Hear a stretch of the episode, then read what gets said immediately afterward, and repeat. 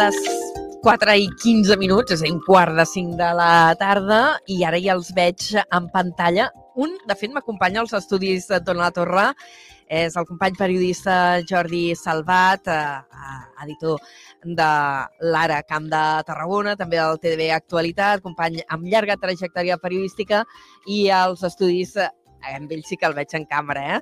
Uh, el Josep Maria Àries, als estudis de la nova ràdio de, de Reus, també periodista amb una llarguíssima trajectòria uh, a les sintonies agudes i per haver de, del camp de Tarragona, entre elles la SER fa molts anys.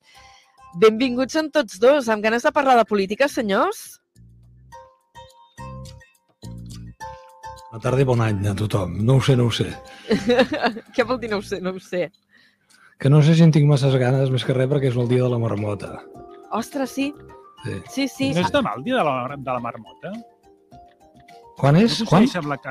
Demà dia 2? No coincideix amb la Podria ser, de- podria ser, podria ser. Sí, perquè Sí. us anava a Però jo em preguntar... referia al que- tema de Junts, eh? Sí, sí, Sí. el tema de Junts, però és l'any de la marmota i la dècada de la marmota, eh, quasi, quasi. A veure, jo el que tenia ganes de preguntar-vos per començar, us ho veieu venir el que va passar al ple del Congrés de dimarts, que Junts acabaria votant no aquesta llei de l'amnistia, que era una de les seves reivindicacions? Home, jo crec que Junts a vegades segueix una mica eh, l'estratègia de, del Partit Popular amb això dels pagaments en diferit. I, per tant, hi ha una certa dosi d'estratègia. Durant totes les negociacions, abans no van donar suport a la investidura del Pedro Sánchez, hi va haver estires i arronses, modulats. Jo tinc la impressió de que el que van fer ahir amb eh, la llei d'amnistia podia ser una seqüela eh, de, del mateix, o no, o realment s'acaba el dia de la marmota i han decidit posar, en, en paraules de Jordi Turull, el colorín colorado d'una forma seriosa. Jo m'apunto més a la, primera, a la primera opció, que és que jo crec que tot això està pactat. Està pactat perquè Junts necessita eh, pujolejar i convèncer els seguidors, els militants, a la gent més hiperventilada, la gent que no ho és tant, i per tant no, no és un camí, un camí fàcil. Oh, Ara has dit una cosa, pujolejar, però pujolejar no és una mica peix al cova i anar tirant? Sí, sí, sí. sí. Doncs ara peix al cova no, eh? competències en immigració, busquem sota la, sota la, sota la taula. Jo crec que sí, jo crec que, jo crec que en el fons, en el fons, i donar, donar suport, donar suport a la investidura del Pedro Sánchez no és una cosa gratuïta, eh? Tot i que van insistir en que no donaven suport a un mandat, i això és, és lògic, eh, el pas que van fer és un pas rellevant. És un pas rellevant. I llavors ara han, ara han de decidir cap on va i prendre decisions sempre té conseqüències. Miquel Samper s'ha anat. Sí, ara hi Miquel entrarem. Samper s'ha plegat, un conseller de referència, i a mi m'ha recordat una miqueta els antecedents a l'època del govern de Puigdemont, quan va patar tot plegat amb la, el paper del Santi Vila, per exemple. No? I Mira, per tant, és aquí de les- tenen un poti-poti de, de, de, de famílies, de mirades i de, i de sensibilitats que, que no són fàcils de gestionar. Eh? Jo des de, des de fora i amb tot, amb tot el respecte entenc que no sigui fàcil de gestionar. Ara hi entrarem en tot això de les famílies juntaires. Eh, en Jordi Salvat, en tu què et sembla que, el que va passar eh, tot just fa dos dies vull dir, eh, al Congrés de Diputats? Home, d'aquí un any hi ha eleccions al Parlament de Catalunya. I recordem que Pere Aragonès va acabar d'apuntalar una mica el govern que ha d'afrontar aquest arribarem? repte. Mm, Jo crec que Esquerra esgotarà fins al final, eh? Jo crec que sí. Sí, sí, Esquerra està disposada a arribar al final, és a dir, febrer de l'any que ve. Queda un any, un any, eh? I aquest eh, petit retoc, retoc que va fer, doncs, eh, doncs ungint com a vicepresidenta a Laura Vilagrà i incorporant el polidolent de la pel·lícula, que és el, que és el Sergi Sabrià, que ell és especialista en fer aquest paper, ja el coneixem de l'època de portaveu del Parlament, serà el que li fotrà canya junts. I l'han posat en aquest càrrec de viceconseller, un càrrec una mica estrany, perquè jo no recordo en els governs de Catalunya No. dels últims anys, un, o dels últims Sí, a mi també em dècades, va un bastant. viceconseller. Sí, sí. Em va rebentar bastant el cap. Sí que pot eh, entrar, pot entrar a les reunions, a les reunions de govern, però no té una...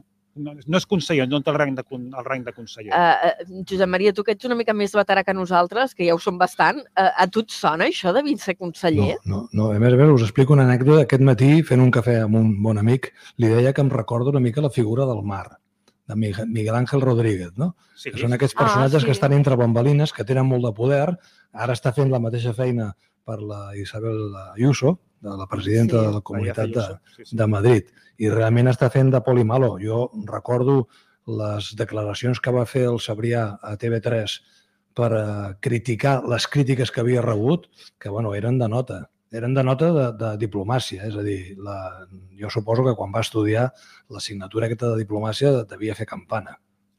Estava al bar, estava al bar. Sí, devia estar al bar, però al bar amb B. Sí, sí, amb No, B, amb B, amb B alta, no sí, sí, sí, sí. No amb B baixa, sí, sí. Miquel Àngel Rodríguez, clar, una persona molt estratègica en L'has tot el tema. catalanitzat, Anna. Ai, ai, Rodríguez. Miguel. Miguel, Ai, ai, sí, sí, favor, por favor. Miguel Ángel Rodríguez. Uh, clar, és d'aquelles personatges una mica Richelieu, allò de poder a l'ombra i movent fils. Sí, com No? no? el seu moment David Madí també va fer part d'aquesta feina, no?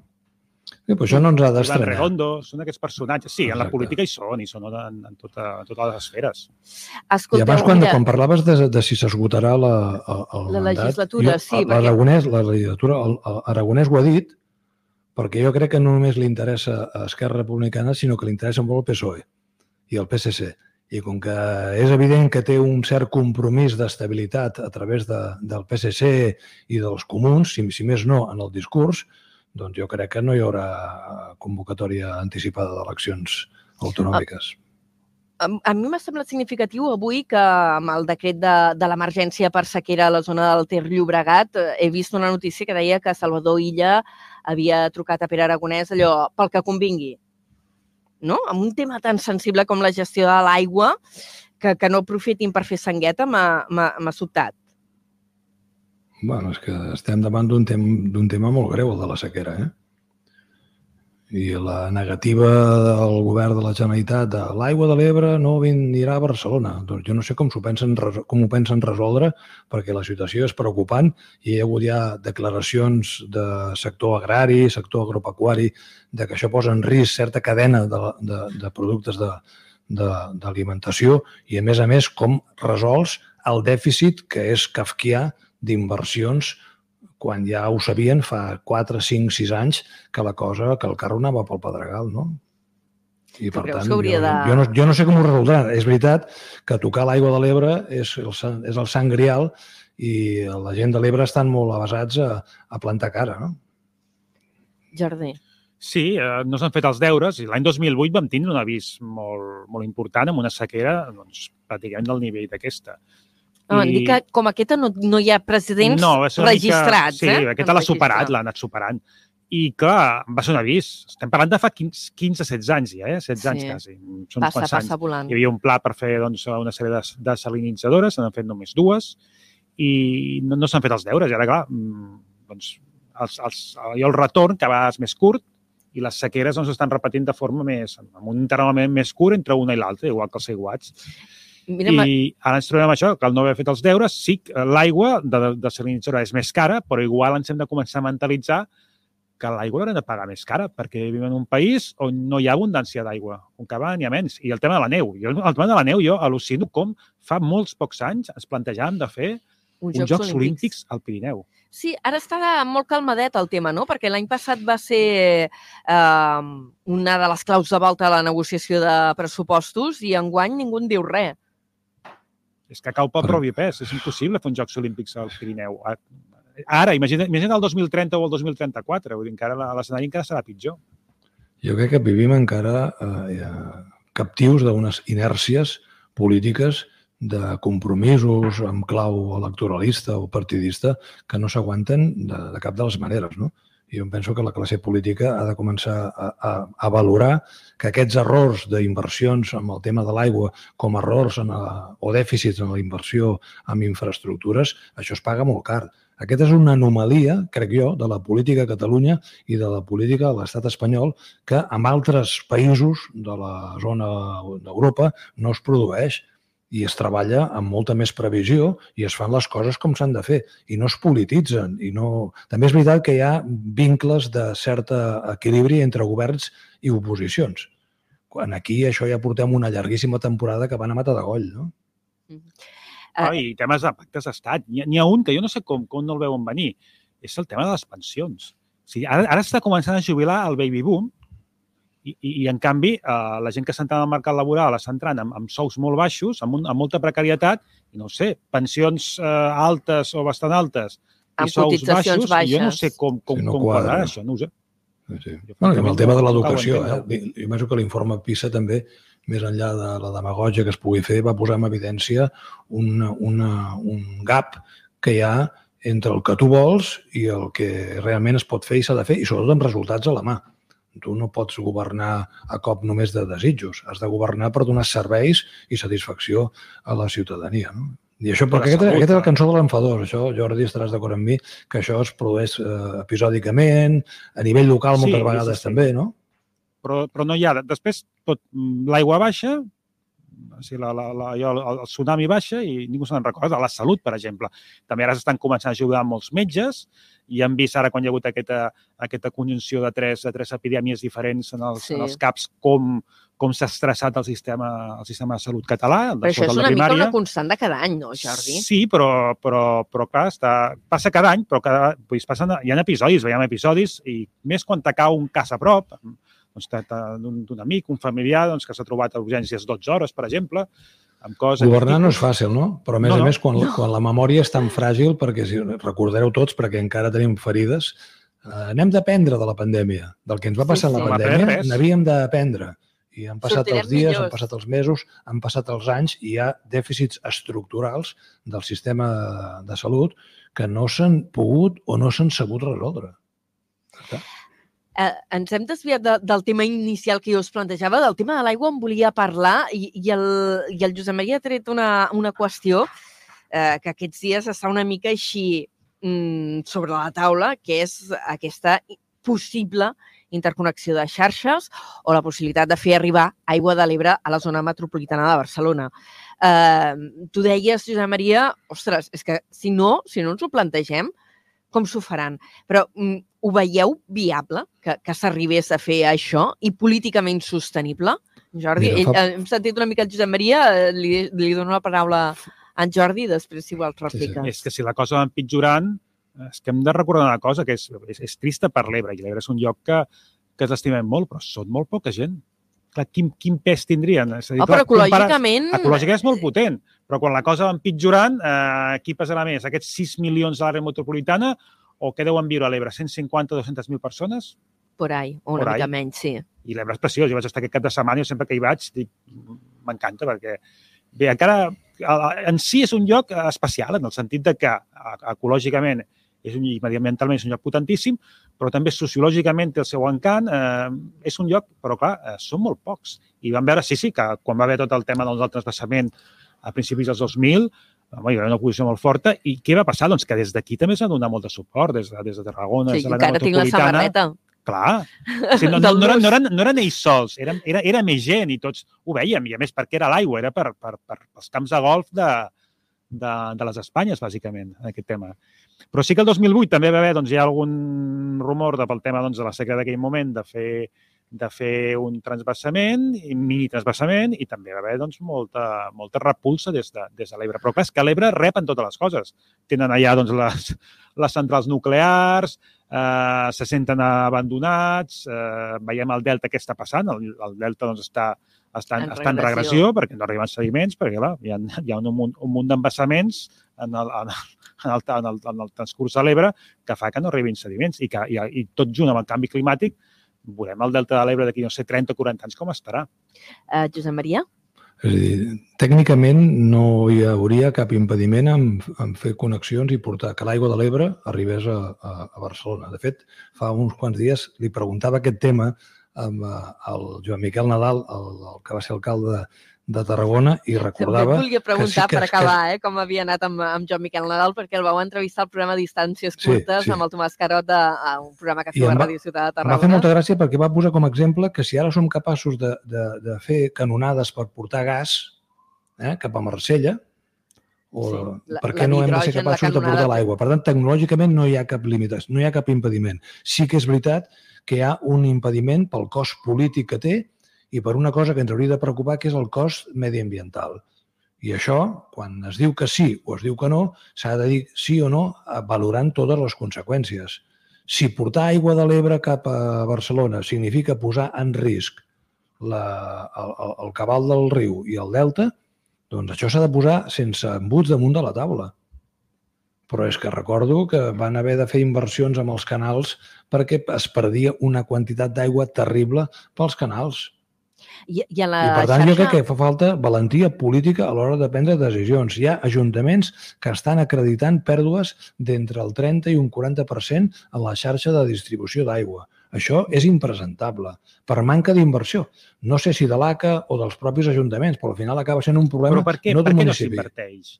Perquè no és, entre cometes, sexy de cara al ciutadà. No sé si en sèrio. Ostres, Aquí Torre clar, aquí Torre d'Embarra, no, ho, va, ho vam veure. Sí, Fa un any i mig o dos, el paraula, dipòsit, sí. el dipòsit del Pujol, el principal dipòsit d'aigua del municipi, es va fer una inversió, ara no recordo la quantitat, però una inversió molt potent que permet de que si un dia doncs, no, que no passi, doncs, eh, s'interromp l'arribada de l'aigua del, del consorci, del CAT, Tens una reserva. que és una reserva. Però això la ciutadania no ho veu, perquè el, el, el dipòsit del Pujol està en un Pujol, precisament, al límit amb, al límit amb Creixell, i la gent no ho veu. I, i, i interrogant, li, li vaig fer la pregunta a l'alcalde, va reconèixer que això, un 20 o un 25% de l'aigua es perd. Clar.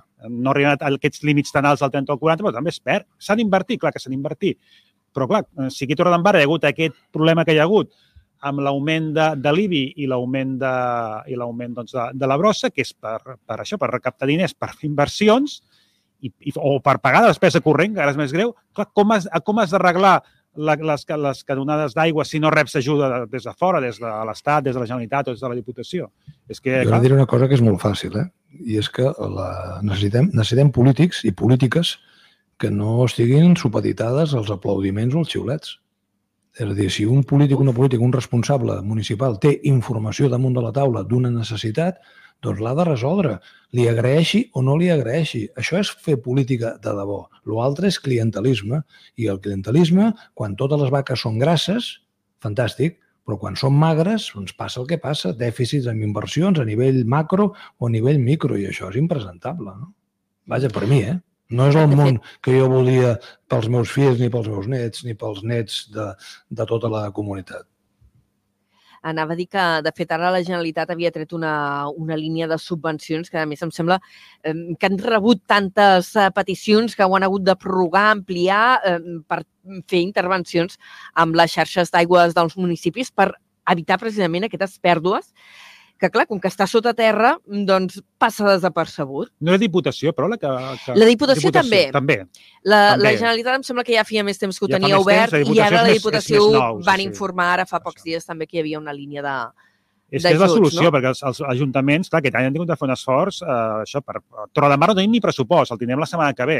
Estan allà quadrant-lo... Si tot va com- bé, eh? com- Si tot va bé, esperem que sí. Sí. Estan quadrant-lo i hi ha municipis que els costa molt quadrar el pressupost, perquè, clar, eh, doncs, eh, hi ha, Mhm. les despeses s'han disparat i si no pujaves impostos no podies, no podies recaptar més. I què fas? Si puges els impostos, generes eh, rebuig ciutadà, com ha passat aquí, aquí a Torredembarra. És complicat. En canvi, si els diners t'arriben de, de fora, una altra administració, clar, llavors ho pots, ho pots eh, doncs, vehicular millor. Abans la- l'Anna, de forma benèvola, quan parlava de, de mi, deia que tinc una llarga trajectòria. Un de, de les característiques Home, de tenir, jo, de doncs tenir una llarga imagina't. trajectòria, que vol dir tenir pèl blanc i tenir uns quants anys més que vosaltres. Jo també tinc pèls blancs, eh? Sí, però no he perdut la, no he perdut la il·lusió ni l'esperança. I a mi m'agradaria que quan l'alcalde de Tarragona i l'alcaldessa de Reus seuen en una taula per parlar de l'àrea metropolitana i quan la Diputació s'hi implica i posen a altres ajuntaments, comencin a pensar en global com a àrea justament per resoldre això que ara apuntava el Jordi. Perquè hi ha necessitats que, que van molt més enllà de la capacitat d'un municipi. I amb això s'ha de, ser, de ser col·laborador i s'ha de tenir una visió global. I la Diputació té, és una de les seves funcions.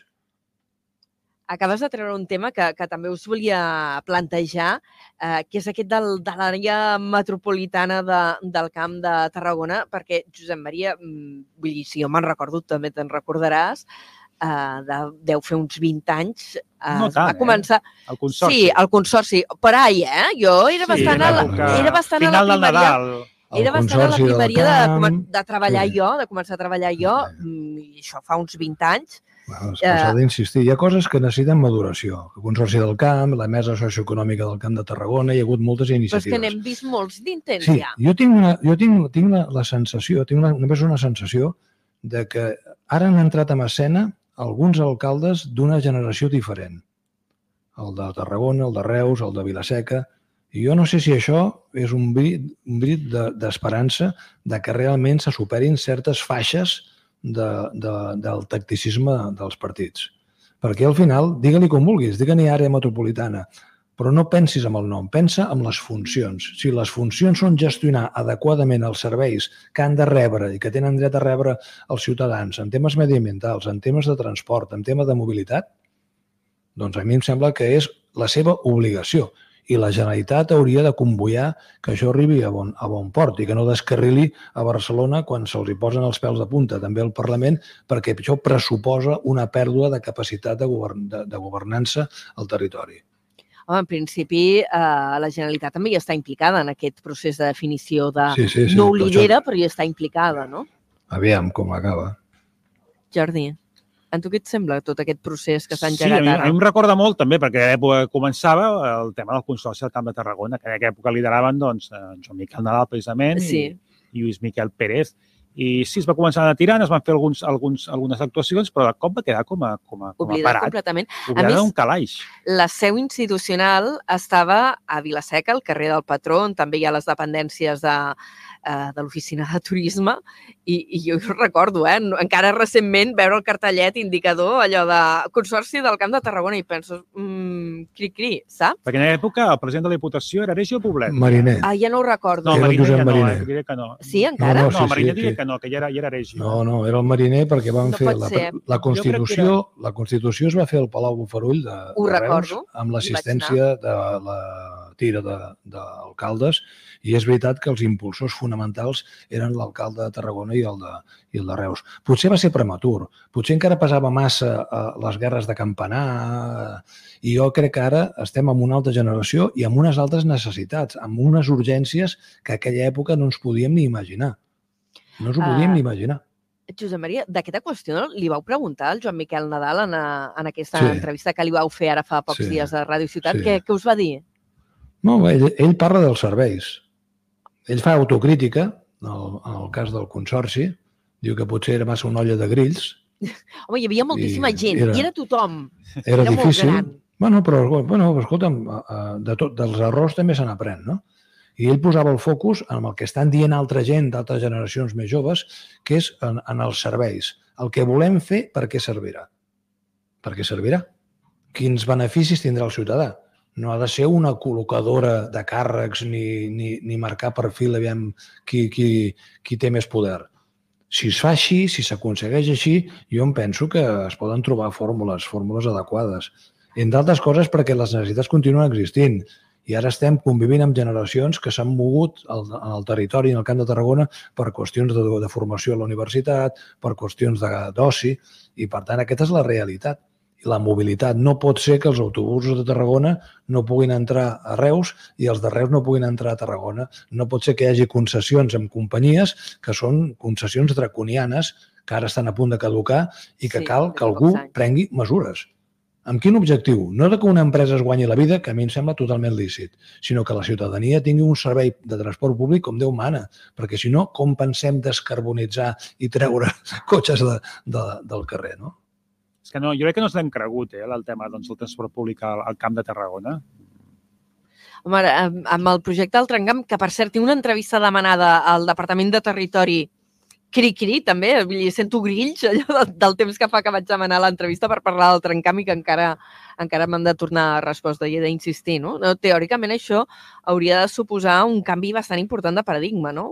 Home, jo crec que seria la, la, la, la pedra de toc, vull dir, un tramvia que unís els principals nuclis de població del Camp de Tarragona, home, seria un, un pas important, però també pensem en els nuclis una mica més allunyats, com Torredembarra mateix, tenim la línia de costa, ja entrem en el debat de, la, del, de per on han d'anar les mercaderies, si per Uf. l'interior, si per, si per la línia de costa, eh, clar, és que no només és allò al centre del Camp de Tarragona, és a dir, Tarragona, Reus, Cambrils, Vilaseca, Salou, no, no, és que clar, és més, és Valls, Torredembarra, Montblanc, ara amb el túnel, amb el túnel de Sí, l'illa, és, és que clar. Montblanc està aquí mateix. Montblanc eh, és una ciutat que hem de, que hem de un, un nucli, una població que hem de, que hem d'estar atents, però és més en cap, és l'Hospitalet de l'Infant, és, és que tenim, tenim això, tenim una, una, una conurbació urbana important eh, aquí a, a Baix Penedès.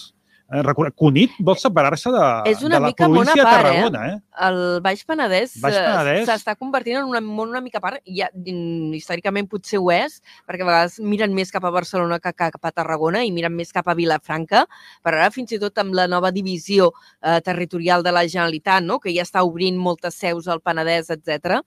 No? Teniu aquesta No, sensació estem parlant, de que estem parlant de, de més de 100.000, jo crec que són els 115-120.000 habitants la, Sí, el Baix sí. Penedès. Una població important eh, i creixent, eh? i hi ha molts problemes. Ara veiem com hi haurà l'ampliació de l'Hospital de l'Hospital del Vendrell, que també és una infraestructura d'aquelles que es va inaugurar i pràcticament ja va quedar, ja va quedar petita només els primers, els primers anys, però i la mobilitat també. És a dir, el, el, el Vendrell mira molt més a Barcelona que a Tarragona. Però, Home, doncs normal, és normal. És a dir, al final, les administracions teòricament han d'estar al servei dels ciutadans.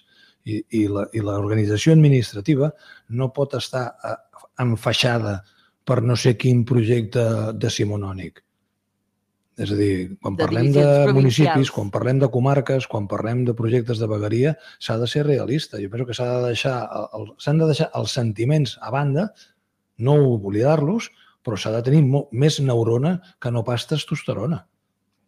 Per, i, I, per tant, no t'estanyi que a Cunit busquin l'escalf dels municipis amb els que tenen més proximitat eh, econòmica, social...